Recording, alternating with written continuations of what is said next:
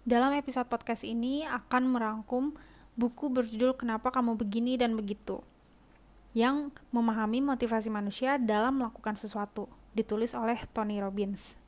Kenapa kamu begini dan begitu? Buku yang ditulis tahun 2006 ini menjelaskan tentang berbagai faktor yang mendasari manusia saat melakukan berbagai tindakan dalam kehidupannya. Tony Robbins sendiri adalah seorang motivator dan life coach yang fokus untuk memberikan motivasi kepada orang-orang.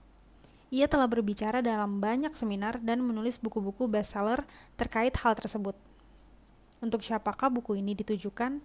Yaitu untuk para akademisi yang mendalami perilaku manusia dan psikologi, untuk siapa pun yang ingin meningkatkan kualitas hidupnya. Dan apakah yang dibahas di dalam buku ini? Yang pertama yaitu apa saja yang dapat mendorong seseorang melakukan tindakan tertentu, apa yang membuat kehidupan manusia lebih bernilai, bagaimana meraih kehidupan yang lebih bernilai. Di dalam buku Kenapa Kamu Begini dan Begitu, Terdapat quotes, terdengar dangkal memang bahwa rahasia penghidupan seseorang adalah dengan memberi. Kita semua tahu bahwa hidup bukan semata-mata tentang aku, tetapi tentang kita. Begitu kata Tony Robbins.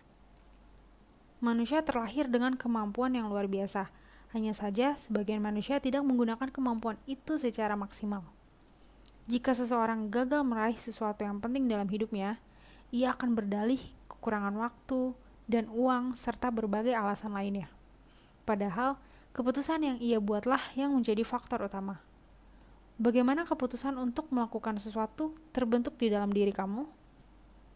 Kamu harus memahami bahwa model dunia kamulah yang membentuk diri kamu. Temukan target-target yang selama ini mengendalikan kamu. Jika kamu sudah menemukannya, kamu akan menemukan kepercayaan diri untuk meraih target-target itu. Terdapat enam jenis bahan bakar yang bisa kamu pilih untuk menemukan target dalam hidup. Yang pertama yaitu kepastian. Orang perlu kepastian untuk menghindari kegagalan dan untuk merasa nyaman. Yang kedua, ketidakpastian.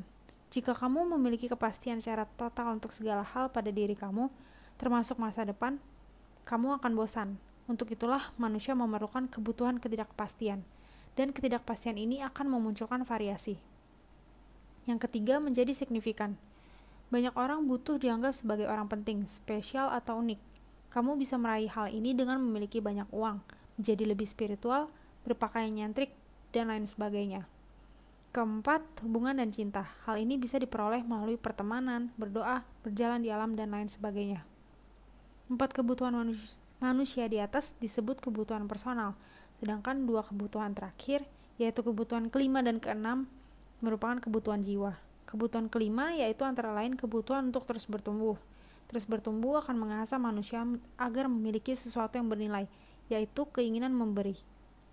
Kebutuhan yang keenam adalah mengekspresikan emosi yang tepat. Dari ribuan orang yang Tony tanya, rata-rata dalam seminggu mereka mengaku hanya mengalami kurang dari 12 jenis emosi, dan setengah di antaranya adalah emosi negatif. Padahal dalam bahasa Inggris ada sekitar 6.000 jenis emosi, Tak heran ada orang-orang tertentu yang akan selalu berpikir negatif di kala apa pun. Dan ada pula beberapa orang yang selalu berpikir positif meskipun sedang mengalami kesusahan. Apa yang membentuk kamu pasti berbeda dengan orang lain. Namun setiap manusia punya kebutuhan yang sama. Apakah kamu orang yang perlu kepastian?